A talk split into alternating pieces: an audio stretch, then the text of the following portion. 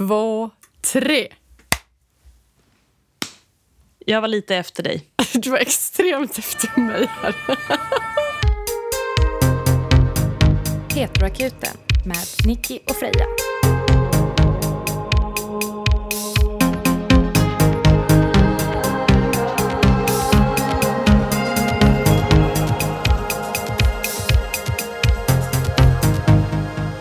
Som ni hör som lyssnar så är vi på distans idag och jag är lite täppt i näsan. Vi spelade ju inte in förra veckan för att du var så sjuk så att du var döende. Och sen är du fortfarande sjuk. Men jag har återuppstått tillräckligt väl för att prata.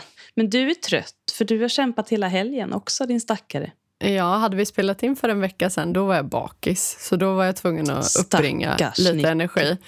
Och nu idag, på, jag är absolut inte bakis, men jag känner mig som det. För jag har stått på marknad på alla London och sålt grejer och pratat med folk. Shit. Åtta timmar lördag, sex timmar söndag. Men sen var vi ju där innan och efter också och höll på.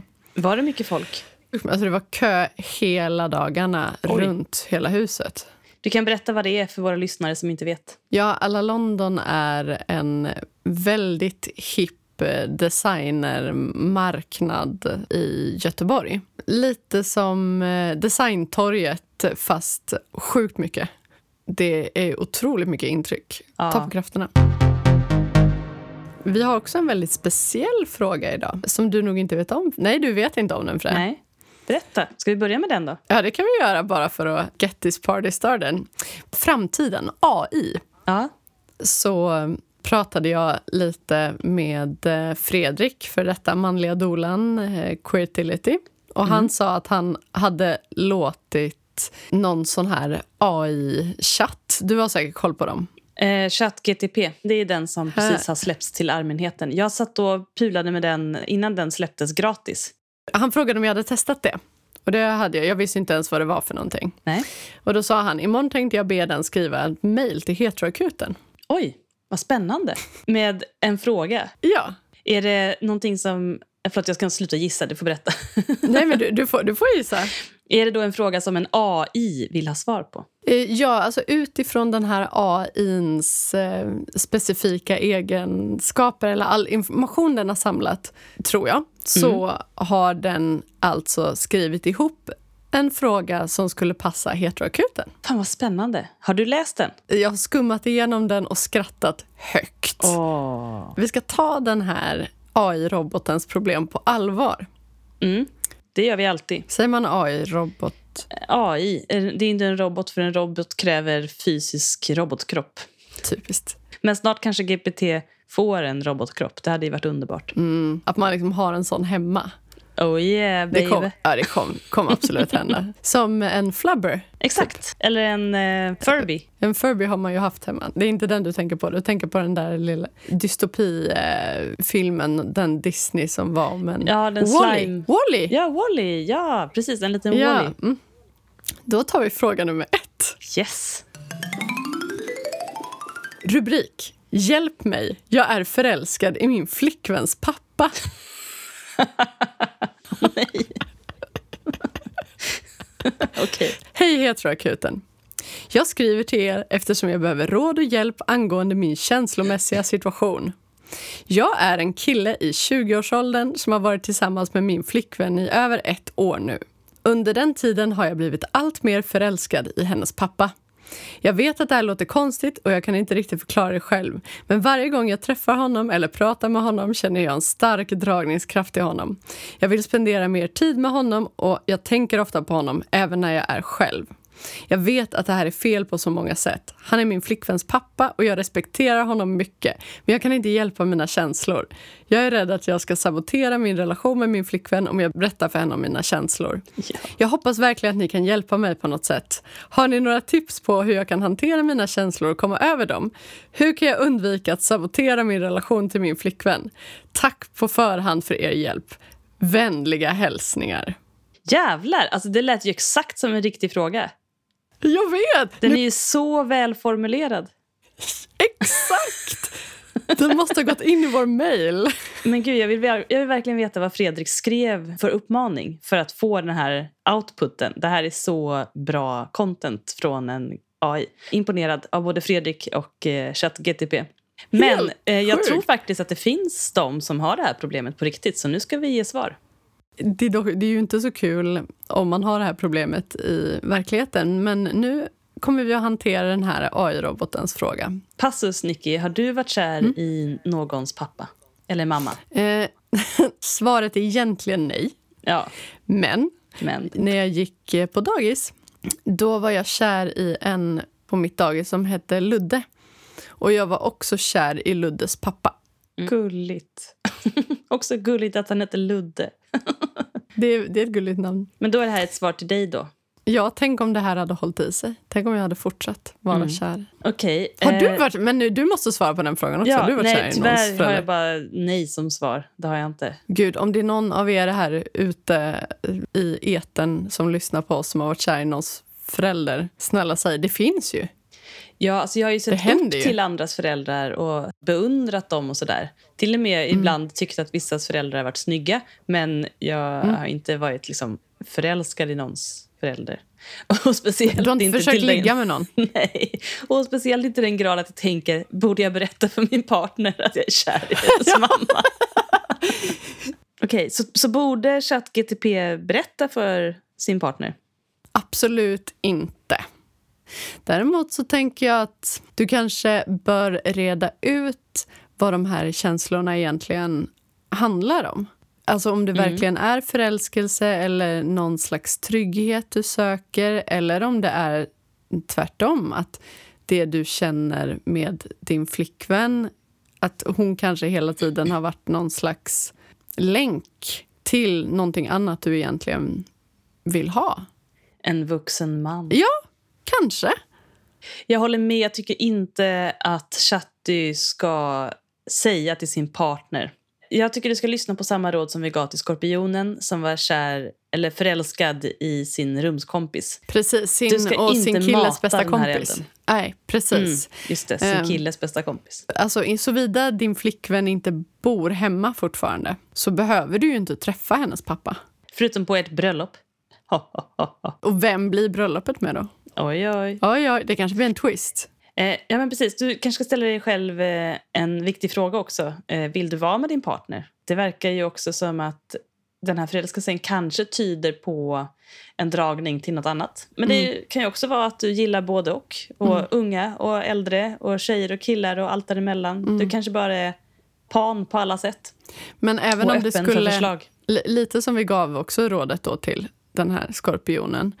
Även om det skulle ta slut med din tjej så kan du inte försöka inleda någonting med hennes pappa. Absolut alltså det, inte. blir, det blir förödande för deras relation och för alla inblandade. Och om du vill lätta ditt hjärta, bra att du skriver till oss. Du kan också prata med anonyma personer på nätet. Skapa en tråd på Flashback eller på Reddit. Precis. Eller familjeliv för den delen. Och bara spy ut dina känslor. Men säg inte till din partner för det är sårande och inte läkande för någon av er. Det står så här, jag är rädd att jag ska sabotera min relation med min flickvän om jag berättar för henne om mina känslor. Och svaret är ju att ja, det kommer du att göra om du berättar det. Då är det Ja. kört. Klippt och skuret. Jag tänker vi kanske inte ska lägga mer tid på den här. AI-frågan, men det var väldigt kul. Det känns ju ändå som att det här är det ultimata beviset. Om det finns någon där ute som har tvivlat på att de frågorna vi får är riktiga, med tanke på hur stapplande vi svarade på det här. Ja, det är Det- sant. det- Eh, vi har så mycket mer skäl när vi vet att det är en riktig person. Ja, Och jag tror vi hade varit lika stapplande eh, om vi hade hittat på frågorna själva. Det har Ja. rätt i. Kul! Tack Fredrik. Det var ett roligt experiment. ja. Då har vi en återkoppling från Stänget. Äntligen! Det var skönt. Hon skrämde oss där. Stänget känslor. Stängelkänslor. Hon skrämde oss genom att säga någonting om att vi får se om vi hörs igen. Ja, det då- var inte trevligt Nej, att det var inte alls trevligt. Det kändes som att vi fick en arm avklippt eller någonting. ja, det- Exakt så. Poddarmen. Rubriken lyder Första tjej och flum. You have new mail waiting. Hej igen, älskade ni. Åh. Haha, jag uttryckte mig kanske lite plumpt där. Jag menade att jag hoppas att inte hamna i en massa jobbiga situationer framöver som jag behöver akut hjälp med. Ja. Alltså om att återkoppla till oss. Men jag kan berätta om den nuvarande situationen med så kallad första tjej samt bollar hemskt gärna mina flumtankar med er. Åh, vad härligt. Alltså wow. Första tjej först. Vi sågs faktiskt för bara någon vecka sedan. Vi hade inte träffats alls på typ ett halvår. Och det var skönt att ha fått en ordentlig distans till henne. Anledningen till att vi sågs nu var att vi haft ett event inbokat sedan länge tillbaka. Och eftersom ingen av oss avbokat så var det fortfarande aktuellt att gå dit tillsammans. Det här är alltså den tjejen, kompisen, som också flörtade med henne och som hon fick till det med men som var jättedryg efteråt. Jag hade blandade känslor inför detta, som ni kanske kan tänka er. Jag var nervös inför att träffa henne eftersom jag inte ville att hon skulle se att hon fortfarande påverkar mig. För det gör hon. Det känns som att hon ser rakt igenom mig. Men det gick bättre än förväntat. Jag kände mig ändå ganska avslappnad och kunde se på situationen lite grann utifrån på ett sätt jag inte kunnat innan. Det var som att jag beväpnat mig med en kylig vaksamhet som skydd för att inte riskera att falla tillbaka i mina gamla tankar. Det är nog tiden, tror jag. Ja, faktiskt. Det kan, det kan göra lite den grejen. Hon verkade också avslappnad. Vi kunde prata och skratta utan att det fanns någon större awkward stämning mellan oss. Väl på plats på eventet krokade hon arm med mig eller tog min hand varje gång vi skulle röra oss genom publiken. Oj, Oj då. Det var inte bra. Hon såg inte distansen. Tur att du Nej. gjorde det. Ja.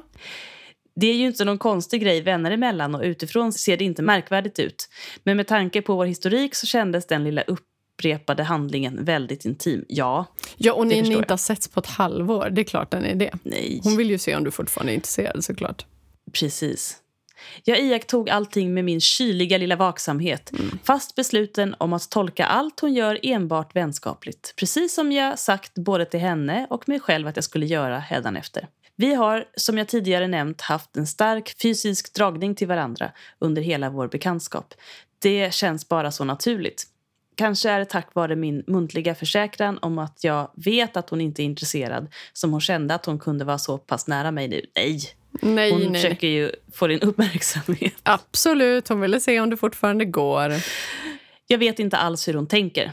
Jag vet inte om hon dejtar någon för tillfället men hon verkar må ganska bra och har jobbat en del med sig själv sen sist. Jag har inte fallit tillbaka, tack och lov. Jag kan liksom inte lita på henne, åtminstone inte än. Kanske aldrig. Det är ändå väldigt skönt och betryggande att känna så, även om det också känns sorgligt att det blivit på det viset. Och sen, lite flumtankar nu då.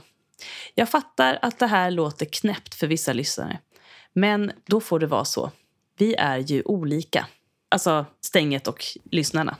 Precis. Stänget och de andra lyssnarna. Ja. Stänget är ju faktiskt en lyssnare, även om hon är armen här på podden. Ja, hon är en liten lem. Ja, en liten lem. En liten lem. Ja. Jag är helt övertygad om att vi är mer än bara en kropp och att vi kan uppleva flera olika liv. Jag tror att hon och jag kan haft någon form av romantisk relation i ett tidigare liv och att det är en av dragningarna till den här starka attraktionen och mitt bisexuella uppvaknande. Vad hon än påstår så har hon ju också känt en dragning till mig Ja. även om hennes intresse inte sträcker sig lika långt som mitt. Vi har så otroligt mycket gemensamt och tänker ofta likadant kring saker, nästan som att vi läser varandras tankar. Jag har några andra såna personer i mitt liv där jag känt direkt att jag och den personen liksom hör ihop, som om vi är på samma våglängd. Ibland träffar vi ju på olika personer som känns bekanta på en gång, innan man ens har hälsat. Eller personer vars kemi stämmer så bra överens med ens egen att det känns som att man känner varandra trots att man inte gör det. Vissa personer tror jag är såna vi har levt med på något sätt. Antingen enbart i själslig form eller i en tidigare kropp. Det karmiska med den här tjejen är kanske att jag sårade henne i vår tidigare relation och hon nu behöver återställa balansen genom att såra mig. Om det nu ska finnas en balans vill säga. Jag vet inte vad som bestämmer det. Om något bestämmer det. Men det är ju en tanke som kan få finnas i alla fall. Vad vi ska lära oss på vår själsliga resa och vad som är målet har jag ingen aning om. Inom parentes, det vore märkligt av mig att påstå att jag visste. Jag tror inte heller att tiden är linjär. Även om detta får mitt huvud att vilja implodera en aning. Japp. Det skulle kunna förklara varför vissa upplever déjà vu eller bara citationstecken vet något de rimligtvis inte borde kunna veta eftersom det inte hänt än. Sanddrömmar är något som kan inkluderas i detta. Ni har ju själva haft en del drömmar som sedan visar sig stämma överens med händelser som inträffat samtidigt som ni sov eller senare, alltså saker ni inte kunnat veta något om just där och då. Så jäkla intressant. Vill avsluta denna novell med några tankar kring min träningsinstruktör. Ja. Jag älskar de här tre delarna. Härliga delar. verkligen återkoppling. Ja. Vi har träffats utanför yogamackan mm.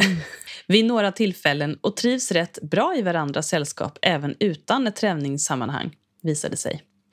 Ni tror att hon vet om att jag finner henne attraktiv. Efter senaste gången vi sågs så måste det nästan varit så. Hela jag lyser ju upp i hennes närhet. Hur skulle hon kunna missa det? Jag försöker att inte hoppas på mer. Att ta det som jag får, som Freja så klokt föreslog. Ta det du får. jag tar det du får. Så himla bra råd. Att spendera mer tid tillsammans kan kanske göra det lättare för mig att släppa mitt intresse eftersom varje möte därmed inte blir lika laddat. Eller så leker jag med elden. Just nu känns det hur som helst bra och trevligt och energigivande. Tack igen för er tid och ert intresse. Ni är ett himla bra stöd, även om jag kanske inte alltid lyckas med det som ni råder mig till. Mitt undermedvetna vill nog, mycket riktigt, ha lite äventyr. Puss och ja. kram. Stänget. Jaha, och vad spännande. Tack för all återkoppling. Jag är så glad att du träffade den här första tjejen igen och att det kändes som att du hade kontroll. Grattis! Mm. Och håll det där. Du säger att du inte kan lita på henne. Det kan du ju inte heller. Men att du, det kan nog vara bra att fortsätta att inte lita på henne. Gud, ja. För att, som vi sa, det där, alltså, jag går inte att ta handen med folk. Alltså Nej. dra dem när jag går ut genom ett annat rum om man inte är väldigt nära vän. Och särskilt inte om det är en person jag har legat med tidigare. Och sen att man Som inte du har sagt att du absolut inte vill ligga med igen. Nej, precis. Innan vi går till det flummiga, mm. vad tänker du om eh, umgänget med instruktören? Alltså när det kommer till det känns som att vi har sagt det vi tänker hittills. Jag tror inte jag tänker så himla mycket mer kring det. Däremot tänker jag att om du lyser upp och är så här härligt eh, lycklig när du ser henne, då är det klart att hennes intresse stärks ju också. Oh ja. Och det är klart att du blir extra charmig och eh, härlig i hennes ögon. Och då kanske hon lyser upp extra mm. och så fortsätter det så där jag, jag, skulle säga så här, bada i hennes positiva energi. Låt henne göra dig glad. Jag tror att du ska undvika alla initiativ mot någonting mer än bara vänskap med din instruktör. Men om hon tar initiativ gentemot dig då har jag inga råd att ge annat än att gå med på ett äventyr. Men du har ju tänkt igenom vad det skulle kunna innebära så där får du avgöra om det är värt det för dig. Ja, och om det händer nåt mer, så snälla berätta. Gud, ja. Och du behöver absolut inte gå på alla våra råd. Det tror jag inte att alla gör. Nej. Det är inte förutsättningen för att man ska få skriva till oss att man ska lyda. att man skriver Vår... en ed. ja, precis. Svär du på Bibeln att du kommer att följa alla råden? Alltså, Nicky, tänk om Stänget blev ihop med instruktören på yogamackan utan att berätta för oss. Det är en händelse. Där, då då kommer man inte sjukt. till himlen. Nej. Nej då avbryts din liksom... resa. Det är allt jag har att säga. då nedgraderas du. Ja. då föds du som en kackerlacka nästa liv. Ja. Jag känner mig kränkt bara att tänka på det. Ja. Så vi litar på stänget att du håller oss uppdaterade. Ja, verkligen. Till alla, även om ni gör tvärt alla råd jag har sagt. Vi ändå höra vad som händer. Det är ju, ja, ja. jättekul. Vad tänker du om det här flummet då? Jag kan bara säga kort och gott, Stänget, du och jag tänker likadant. Ja, det var exakt, det var exakt vad jag tänkte. och eh, så tänkte jag på det här med att eh, tiden inte är linjär. Det har jag också pratat mm. om tidigare. Och så har jag säkert rekommenderat att läsa Tidresenärens hustru.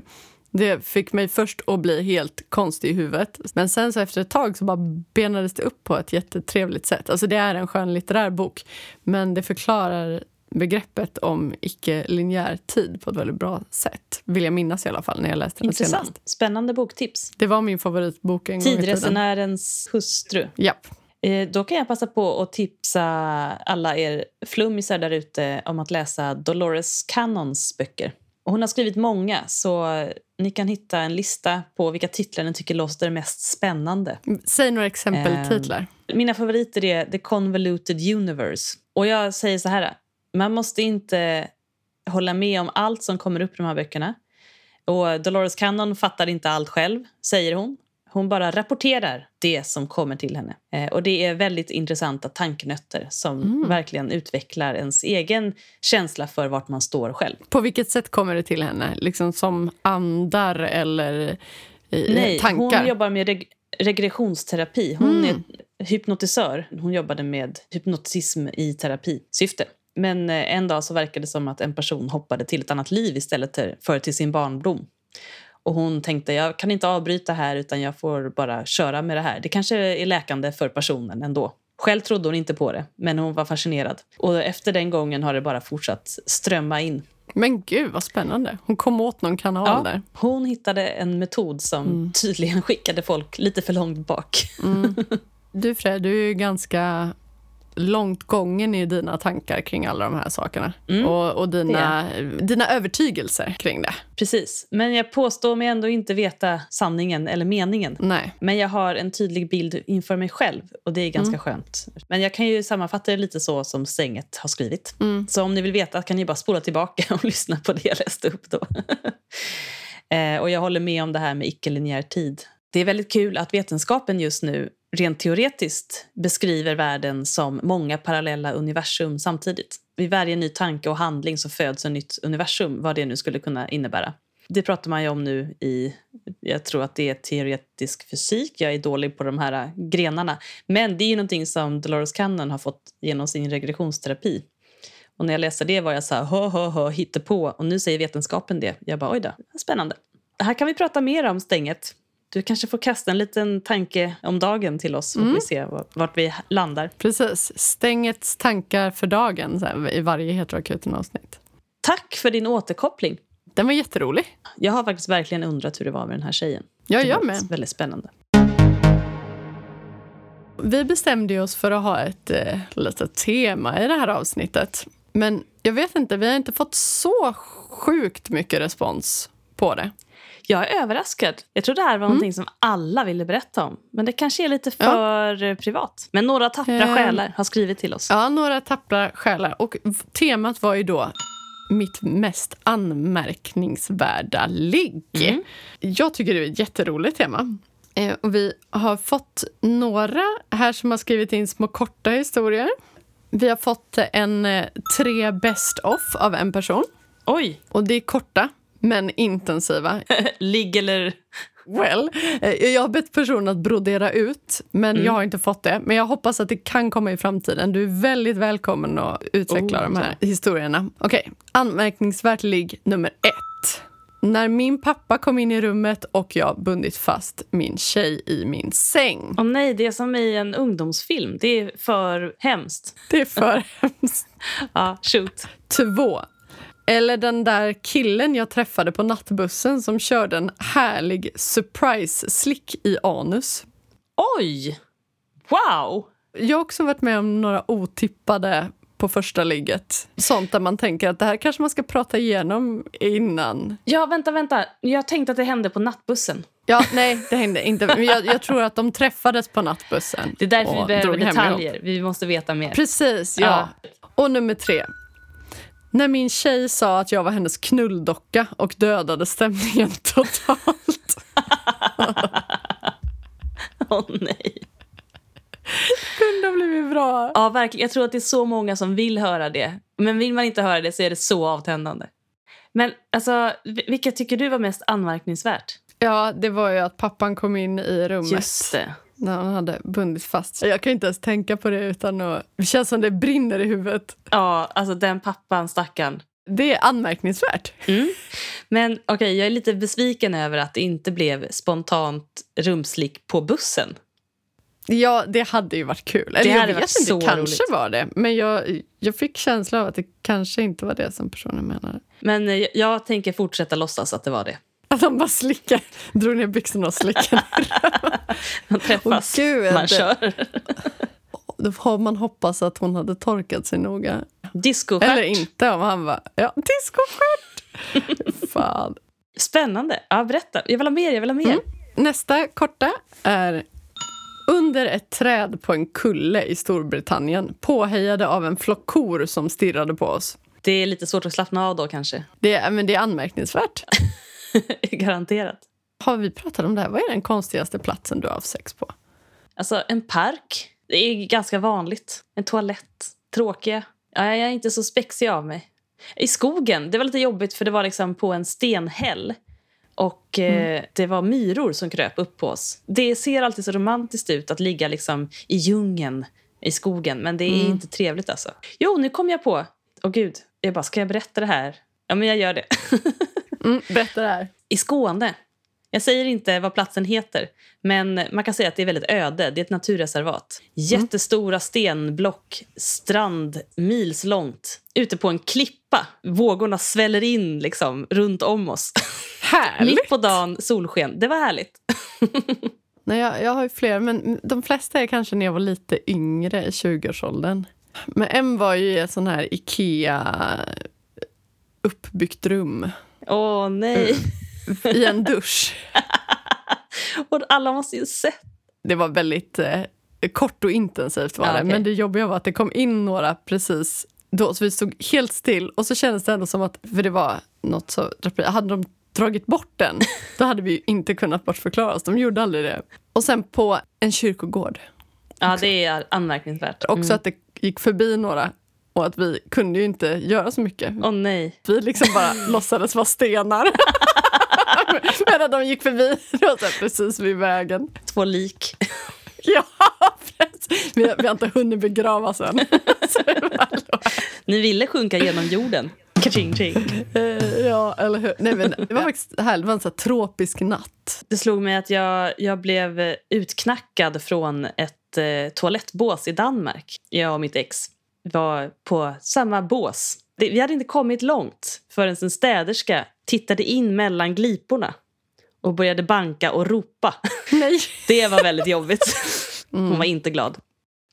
Jag har varit på en fest en gång. Någon rik man som hade fest som jag bara råkade hamna på när jag var typ 18-19. Och är en jättevåning. Man bara gick mellan olika rum och visste inte vad som var i olika rum. typ. Och så öppnade jag en dörr och där är det är helt mörkt. Och jag bara hör att folk är där, men jag ser ingenting. Och så tänder någon en lampa. Och då är det en man som står på knä i sängen och så en tjej framför honom på alla fyra. Och hon har ögonbindel så hon ser inte att han har tänt. Men han har tänt och tittar på mig och ler jättemycket. Va? Och jag backar långsamt ut ur rummet. Det här var ju helt sjukt. Ja, men jag tänker att det egentligen inte är jättekonstigt beteende på en fest klockan tre på natten. Eh, jo. Alltså jag, jag, jag tänker att det här hade kunnat hända på många fester. Jag hade inte gjort det själv, men jag kan verkligen se det hända andra. Hej, är du här? Vill du vara med? Den stämningen. Ville du vara med? Nej, Nej, jag ville hitta min kompis. Ja, men vi har också ett långt mejl här med rubriken, oväntat nog, Mitt mest anmärkningsvärda ligg. Hej Nicky och Freja. Tänkte först att mitt mediokra sexliv inte innehåller några roliga ligghistorier men sen kom jag på att jag faktiskt har en gammal anekdot att damma av som ändå har... Punkt, punkt, någonting. Men för att historien ska bli riktigt kul behövs ändå en ordentlig backstory. Härligt. Det hela utspelade sig 2008 under Way Out West. Jag och min kompis Emily hade såklart inga pengar att köpa biljetter för men vi skulle på BD efterfesten på underjorden. Åh, vad roligt! Och det var det enda som räknades. Glada i hågen begav vi oss dit alldeles för tidigt eftersom att vi inte var på festivalen. Och när vi kom dit inser jag att det är ungefär tio andra personer på plats. Varav jag haft någon typ av romans slash historia med ungefär 30 procent av dessa. Det vill säga tre personer, då Nickis anmärkning. Man är väl ett mattegeni. Verkligen. Eftersom jag inte hunnit bli full än kändes detta såklart sjukt awkward. Och i baren stod 10 av procenten, det vill säga en person Nickis anmärkning, och sålde ljummen burk öl så det var bara att tugga i sig. Jag har spetsat på att få ihop det med en stockholmare, inom parentes, en riktig 08, år 2008, år 2000, nej, men- nej, gud, jag kan inte prata. En riktig 08. 2008.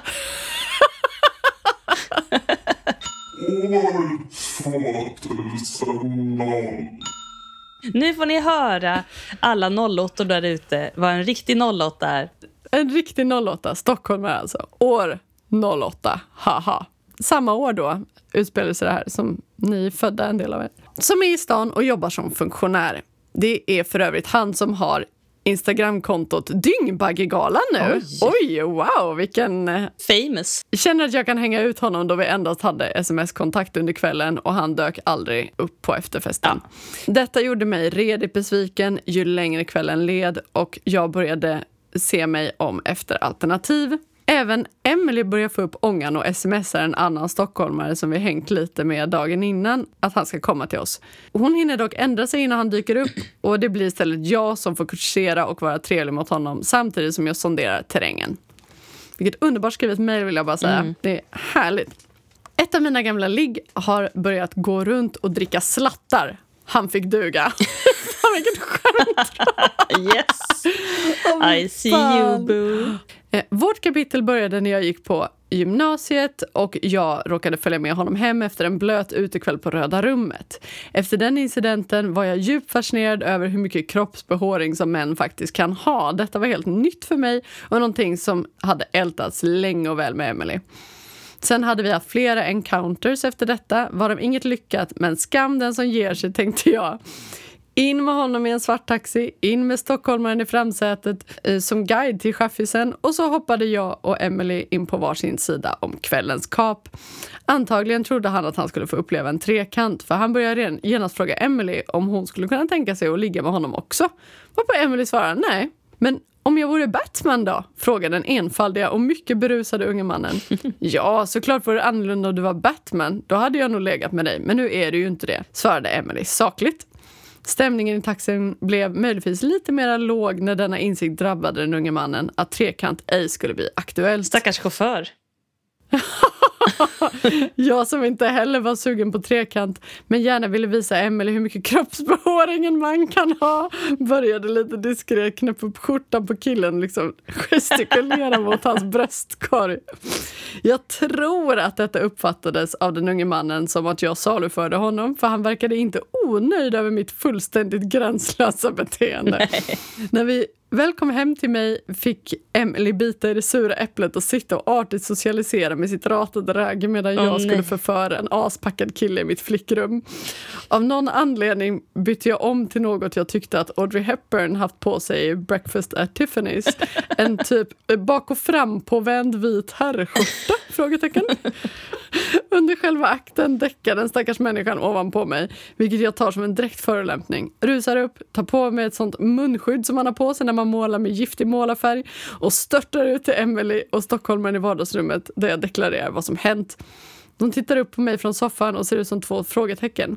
Jag vet ju inte vilket samtalsämne som avhandlats där i soffan alldeles nyss men jag har fått berättat för mig i efterhand att Emily tyckte att det såg ut som jag kom utspringandes i tvångströja med någon konstig mask för ansiktet. Otroligt att killen ändå kunde somna ovanpå dig med den synen. Kan man tänka. Verkligen. Hur gick det då för den maskulint behårade unge mannen med det dåliga spritsinnet? Oh well, det gick rätt bra för honom. Förutom en annan gång när han råkade ligga med mig och jag började gråta. Turligt nog för honom och alla andra som blev ursatta för min kärlekstörst så fann jag året där på min partner sedan nu 14 år tillbaka och utgör däremot inte längre någon fara för lättledda överförfriskade män. Åh, vilket fint mejl. Vilken saga! Ja, det var vackert. Tack för detta. Det var ju helt underbart. Finns det finns ingen bild på dig med den här tvångströjan och munskydd? Stackars kompisen också som var tvungen att sitta och prata med sitt vad det, ett ratat ex. Emily kompisen, Ja. hon hade ju lockat dit den här killen för att hon ville ragga på honom. Och sen ångrade hon sig när han väl kom dit och dissade åh honom. nej. Ja, ja, nu är jag med. Du, du sa ju att du träffade din partner som du nu har varit tillsammans med i 14 år eh, kort därefter. Men jag antar att det här är alltså den hårigaste mannen du någonsin har sett. Mm. Män kan verkligen vara håriga. Jag har ju inte upplevt det så mycket själv, men jag har ju sett det på film. sett det på... På eh, senast såg jag det på... senast så såg jag det på eh, Bonde söker fru Australien med han som sen fick åka in på psyk senare i säsongen. Spoiler alert. För han var ju otroligt vacker. Och sen bara tar han av sig tröjan och det är liksom bara ryamatta. Fascinerande. Alltså, jag är lite ledsen att vi inte får uppleva det här, Nicky. Jag är inte det. Jag bara känner så här, gud, vad mycket det ska vara i väg. Det är som att ha kläder i vägen när man ligger. Alltså, jag tycker att det är lite fint med hår. Alla typer av behåringar. Så jag hade ju tyckt det var lite hett, tror jag. Alltså jag tycker det är snyggt med hår på fittan och jag tycker det är snyggt med hår under armarna. Men liksom på magen, bröst, Ja. bröstvårtorna. Jättefint på bröstet. Ja, men jag tänker, ska, man, ska man slicka där på bröstet och så bara får man massa hår i munnen? Du måste nu inte låter jag som en på kille bröstet. som vill ha en rakad fitta. Men, men ja, så du vill ha en hårig man? Eh, ja, precis. Det är det jag säger. Eller en hårig tjej? Jag, jag gillar hår, helt enkelt. Eh, om tjejer var håriga hade jag tyckt om det. Du kanske kan klistra på lite på Amorina? Lite hade det varit spännande faktiskt. På hennes bröstkorg till exempel. Jag tycker det är väldigt fint med tjejer som har eh, en raggarsträng upp till naveln. Det tycker jag är jättesexigt. Ja, det kan jag också gilla. Mm. Alltså, ni hör ju. Det här är ett tydligt tecken på att man är lesbisk. Japp. Jag fick höra också från min tjej, jag får fråga henne om jag får ta med det här, men hon sa att vi som är gammellesbiska, vi som har varit lesbiska väldigt länge, det är vi som är såna som säger att vi älskar att slicka fitta. är vi? Ja, tydligen. Alltså som säger det eller som tycker det. Ja, men som verkligen uppskattar det. Men gud, stackars alla unga. Om de inte tycker om det. Är det sant? Alltså inte kanske att man inte tycker om det, men just det här att man verkligen, åh, smaken av en kvinnas kön. Ja, ett köte. Jag tänker att det, det är väl ändå ganska betingat. Det är smaskens för att det är härligt. att, någon, att man är med någon liksom. Och så blir det Ja. gång på gång någonting positivt och då tycker man att det är gött. Jag tycker att det är för att det verkligen känns Det känns verkligen som att man har haft sex om man går ner på någon. Det är så känns i hela... Snart kommer det. Snart kommer det. Hur vill du att jag ska formulera det? Nu vill jag att du ska säga det. Bara rakt ut, Nicky. Som den gammelflata du är. Nej men alltså jag älskar att slicka fitta. Ja, yes, där kom det. Jag tycker det känns vulgärt att säga det liksom bara i allmänhet. Är det någonting som vi Men- brukar säga? Men du ville att jag skulle Ja, säga det vill jag. Nej, jag menar alltså, när säger vi det i så fall? Det är försöker. Är det när vi träffar unga flator och bara, vet du Nej, vad men jag gillar? men typ att man kanske går ner på någon ofta. Och eller har ett så självförtroende kanske också när det kommer till att gå ner på någon. Ja, men det är en sak, men att säga det till folk Mm. i allmänhet tänker jag en helt annan sak. Jo men att man tycker att en fitta luktar gott. Alltså så här, lukten av fitta bara att det är... Jag menar att var, varför ska man... Ja, jag tror vi pratar om Mm. olika saker här. du kommer Ja, förstå nej, när du att klipper. Ja, tack för det. Ja, nej men jag skulle nog säga att det kanske är en överslagstolkning av hur Ja. det verkar när vi gammel, eh, gamla det. pratar om... Vilken fin beskrivning, Nicky. Bra uttryck. En överslagstolkning. Jättebra. Ja, tack. Dagens ord. Ja, men... Mm, Dagens ord. Var det vår sista anmärkningsvärda liggberättelse? Ja, men alltså det var det. Gud, Det är jättekonstigt. Jag har ändå lockat och lockat. Ja. Om ni nu är några som hör de här och tänker att "Ja, men just det, den där gången, Där snälla kan jag skriv. bräcka. Vi vill höra mer. Ja. Ja, och vi, ni, vi vet ju att ni, ni är ju där ute. Ja. Kom igen, dela med er. Vi säger inget. Vi Det är bara inte. mellan oss. Och alla andra. Ja.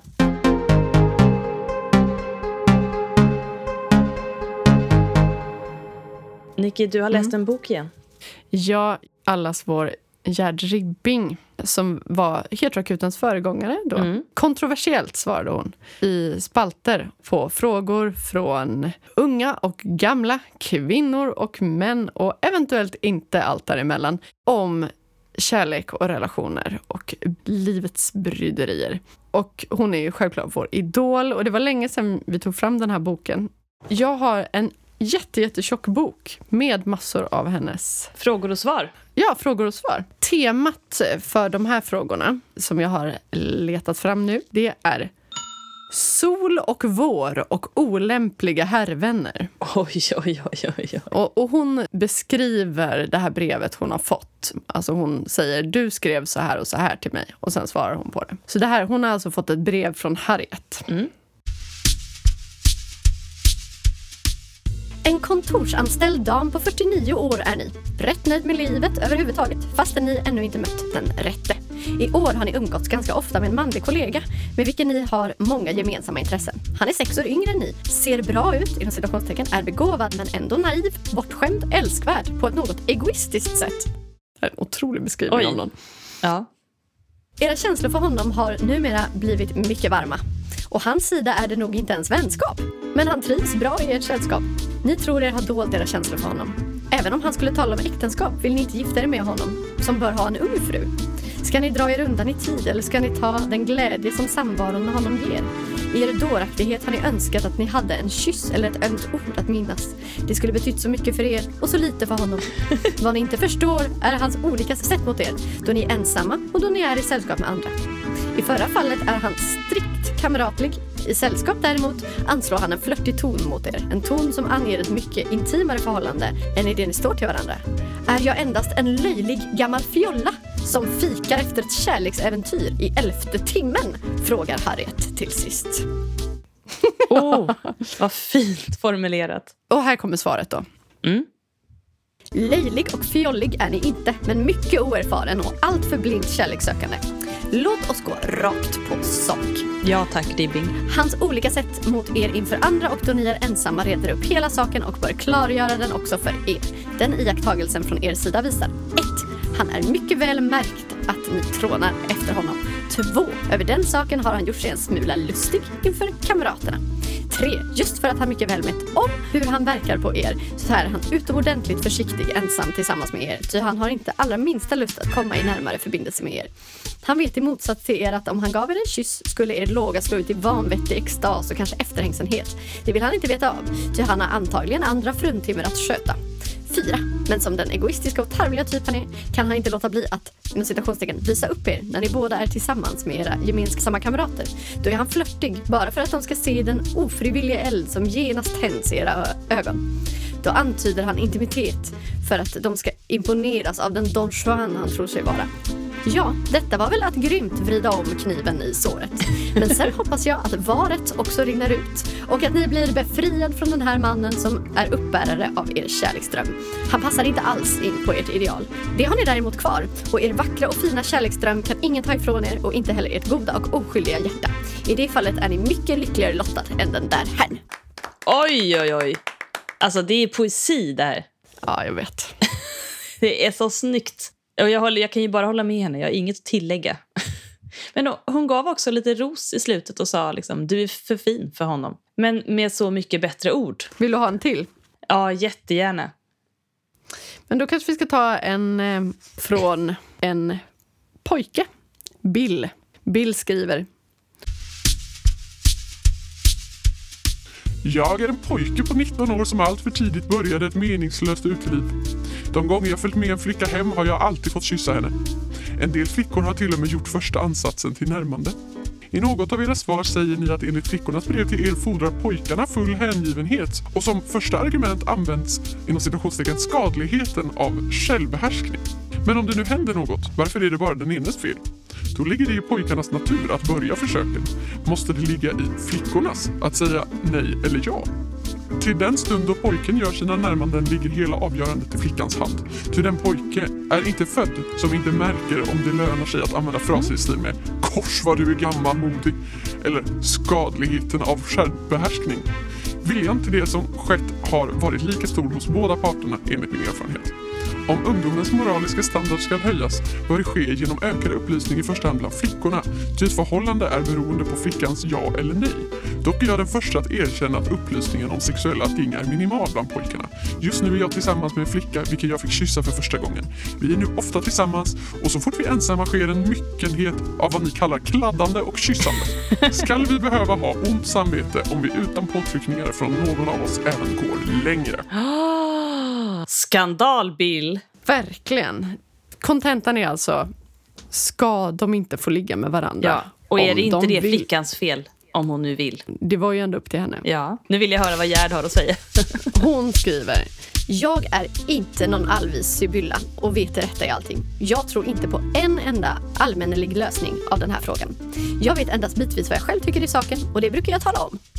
Ni har rätt i att det är för tidigt och meningslöst att en 19-års pojkvän redan länge hållit på med sådana här förhållanden som de ni ödar kraft på istället för utbildning och på att försöka bli en människa med en smula egen livsfilosofi och värde. Att använda sexuallivet som meningslöst nöje vid sidan av bio och dans sjaskar ner det som annars kunde bli en upplevelse. Bio och dans i första hand. bio och dans i första hand. Jajamän. De flickor som skriver till mig är inte de som gör närmanden själva. Det är flickor som fäster sig så djupt vid en pojke och som längtar efter äktenskap och barn men som chockeras av pojkarnas tanklösa och egoistiska fordringar. Eller det är flickor med önskan att inom citationstecken hålla på sig och som blir undrande över nästan främmande pojkars självfallna och pockande sätt att vilja knyta förhållanden som dock innebär möjligheter till några av livets svåraste problem vilka både pojkar och flickor är för unga för att kunna lösa. Ni och er senaste flickbekantskap behöver kanske inte ha ont samvete. I varje fall är detta inte min sak att bedöma. Men ni bör känna äckel vid att märka hur ni slappt ger efter för varje lust. Precis som feta personer som ändå inte kan låta sig bli att gluffa i sig mat. Eller som drinkare. Drinkare. Precis som dessa människor fördärvar ni på en gång er kropps och er andres känslor och smaksensationer så att ni inte kan erfara den verkliga njutning som livet en gång kunde komma att bjuda er. Om den flickan ni är tillsammans med inte alls hör till dem som drömmer om äktenskap och eget hem och om hon är självförsörjande och beredd att eventuellt ta hand om ett litet oäkta barn, inom citationstecken, som hon dessutom står risken av dåligt rykte, så behöver ni väl inte ha dåligt samvete. Vet ni vad sådana gossar som ni brukar säga då flickan de roat sig med hjärtängsligt talar om att hon ska ha ett barn med alla de konsekvenser det har för hela hennes framtid? Jo, enligt flera brev jag fått svarade den unge mannen, ja det får du klara själv, så går det när man ger efter för en pojke. Men till slut blir det inte de ungdomar som snaskat på den förbjudna frukten som modigt bär konsekvenserna därav, utan det blir deras föräldrar som får nöjet att reda upp och betala vad de ställt till. Punkt. alltså jag är så glad att vi slipper det tabut. Att ha barn Verkligen. utanför äktenskapet och vad det faktiskt innebar på riktigt för folk för. Ja, och också bara det sexuella umgänget. Alltså för att... Gud, nu börjar jag prata som henne här. Eh, nej, men jag tänker Du att menar det bara- sexuella snasket? Det slasket, ja. Slafsandet och eh, snaskandet. Det fanns ju inte preventivmedel på samma sätt då heller. Så Fast att det var liksom fanns låg... faktiskt mer än de flesta kände till. Jo, men det var ju ändå lite fult. Det- Det här är ju från 46. Ja, jag plockade detta från min morfars eh, beskrivningar av sin ungdom som var ute och dansade fem dagar i veckan och träffade olika flickor och rökte cigaretter och drack kaffe. Jag sa, men du vet om att det fanns preventivmedel? Så sa han, nej det hade inte kommit då. Men det hade det. Jo, men det är klart det fanns. Men det var ju också sådär att om man främjade preventivmedel så kunde man ju åka Ja, det var ju tabu. Och det var svårt att få tag i med sitt riktiga ansikte. Att stå bakom en disk och be om det, det var svårt. Det var inte som att man bara kunde i lustens låga. Men vad, vad hade vi gett för råd till den här 19-åriga pojken som han beskriver sig? Vi hade ju sagt åt honom att ligga. ja. Åh nej Gerd, vi har svikit dig. Vi hade nog sagt att det är klart du ska ha lite kul. Lite gotte. Ja, men jag skulle säga att det inte har varit dåligt för mig att bita i den förbjudna frukten. Men har du inte slitit ut dina smaklökar, Nicky? Jo, lite kanske. Tänk om du var ren tills idag och hade sparat din Gud vad tråkigt. kvinndom. Gud, jag har svårt att... Jag försöker föreställa mig Gerd idag när barn utanför äktenskapet är okej. Vad skönt hon hade haft det. Tänk så många frågor hon hade sluppit och hur hon hade kunnat ha ett annat fokus på sina svar. För jag tror vi hade svarat exakt likadant med tanke på det ansvar det innebar. 46, då var det ju att ja, men när du väl fick barn, då skulle du ju vara hemma med barnet. Ja. Det fanns ju ingen förskola, så då var det ju kört. Då kunde du inte utbilda dig, då kunde du inte göra alla de sakerna. Då fick man ju verkligen sitt liv fördärvat. Ja, allt stod ju på spel. Och så stack snubben. Du menar pojken? Förlåt. Pojken.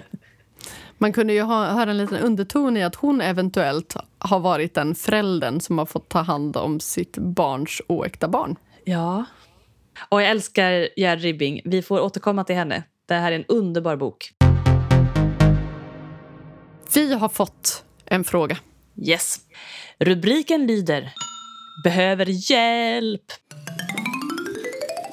Hej kära Nicky och Freja. Vill först säga att jag älskar er podd så mycket och ni verkar så goa. Har ett litet dilemma jag behöver hjälp med.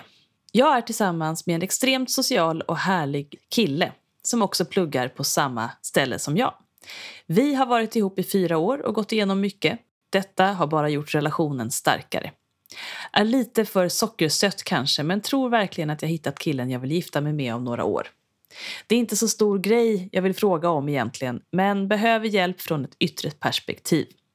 Jag tror inte mina barndomsvänner hemifrån skulle kunna komma på så bra tips Åh. i och med att de stannade kvar i vår hemstad efter studenten och har kvar många gamla vänskaper. Det hör till frågan så småningom.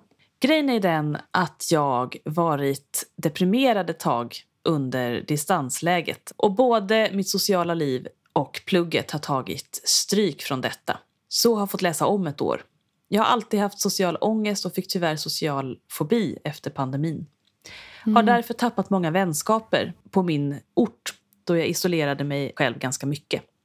Men är dock föreningsaktiv, så jag gör grejer. Och jobbar på det just nu så är hyfsat på fötterna igen och jobbar på mig själv. Men känner dock att jag vill ha fler chanser att träffa nya vänner. Så jag laddade nyss ner appen GoFriendly, vilket leder oss till min fråga till er. För jag har börjat skriva med några roliga personer och ska snart träffas och gå på stan och fika. Jag vet att min sambo skulle bli glad över att jag träffar fler kompisar men eftersom han är så extrovert så tror jag inte att han hade tyckt det var så tror jag att han hade tyckt det var lite udda att jag träffar vänner via en app. Hur ska man förklara detta för honom på ett enkelt sätt? Hoppas inte detta var för rörigt. Och jag tror verkligen inte du behöver vara orolig överhuvudtaget. Absolut inte. Jag tror inte han är dömande bara för att han själv Nej. inte har behovet. Det betyder inte att han inte kan förstå. Också om ni har en bra relation som du beskriver och ni har varit tillsammans i fyra år så måste han ju förstå att du är olik honom. Och jag tänker att det kanske är din ångest som talar för den här Mm. oron. Alltså, man ska ju uppmuntra varandra i saker man vill göra. Mm. Och det är sjukt svårt att skaffa nya vänner, alltså, även om man inte har social ångest. Och när man är vuxen. Och du skriver faktiskt ett PS här som jag inte läste upp. PS. Jag och sambon träffades via Tinder. Ja, Men då så. Ja, då vet han ju precis vad det Ja. handlar om. Jag tror att du bara kan säga jag har laddat ner den här appen GoFriendly. Jag är jätteglad. Jag har träffat folk som jag har pratat med och det ska bli så kul att träffa dem. Jag tror verkligen att det är exakt så enkelt. Och om han är en bra och trevlig person så kommer han säga Gud vad kul, vad spännande. När ska du träffa dem? Ja. Kan du inte berätta lite om dem? Om det är så att din sambo blir dömande när du nämner det här, då tycker jag du är ihop med en dålig sambo. Och då tycker inte jag att ni ska vara ihop. jag, Nej. jag tror inte det kommer hända. Jag funderar lite på också den här sociala fobin. Har du testat att ta någon typ av eh, SSRI, antidepressiv medicin mot det? För det kan faktiskt hjälpa jättemycket. Jag tycker du ska ta kontakt med en vårdcentral om du inte får någon typ av medicinsk eh, behandling. I alla Mm. fall prata med någon. Det finns hjälp att få. Det kanske du redan får. Det vet vi inte. Mm. Men om du inte får det så vill jag bara säga det. Ja. Jag vill också skicka med lite pepp. Jag har vänner, som, eller framförallt tänker jag på en vän som haft social ångest sedan tonåren och som verkligen jobbat med det och kan leva ett fullgott och ganska orosfritt liv numera. Självklart kommer det perioder där det är svårare att hantera. Men det finns väldigt mycket bra verktyg och hjälp att få. Och du är så jävla stark om du vill. Du kan välja, tror jag, att se det som någonting som du faktiskt kan hantera, ta kontroll över, lära dig att leva med på olika sätt och eh, samarbeta med. Jag kan tänka mig att det känns som att det liksom tar över dig utifrån och att du blir låst i det, men det behöver inte vara så. Och jag är jätteglad att du har labbat ner den här appen och att du försöker träffa vänner. Det är så bra. Du får ge oss en recension sen. Ja, du får jättegärna skriva igen och berätta hur det har gått. Du får också skriva även om vi inte läser upp det. Alltså du kan säga så här, jag vill inte att du ska läsa upp det här men jag vill bara skriva av mig allt som har hänt. Men vet du vad jag ska göra på onsdag? Nej. Jag ska på spa. Nu igen? Det känns som att det är det enda du gör. Jag har inte varit på spa på över ett år. Va? Är det sant? Jag vet. Time Men- flies. Va?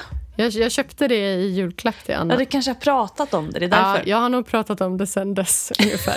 Eh, Men eh, ja, vi ska till Falkenbergs havsbad Ah, vad och så här, härligt. bada och dricka drinkar i poolen och gå på så här, sparritualer med typ sju olika bastuar. Grattis, vad Och det ska bli härligt. så jävla ja, Det är hon som är grattis, det är jag som har köpt det. Det är hon som är grattis.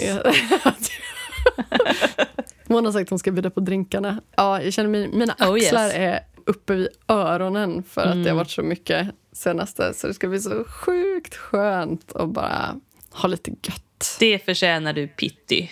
Ja, pitti. Mm. Ja, det var en gullis som kom fram när jag stod på alla London på marknaden Mm.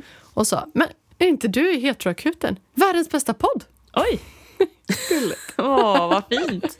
Se, då finns ni där ute. Det är bara att ni var för blyga för att skriva om era mest anmärkningsvärda Ja, ligg. vi har haft så himla mycket mejl och frågor från er och nu har det liksom bara plötsligt dippat lite. Och vi längtar efter er. Vi, Vi längtar er. efter er. Vi vill veta om era liv. Och jag kan, för, jag kan förstå att folk kanske har tappat lite att skriva eftersom vi har legat efter så mycket med att svara. Men nu gör vi inte det. Vi är i kapp. Så snälla, skriv till oss. Om du behöver vår hjälp så finns vi här. Behöver du vård? Kom till oss. Bli vår patient.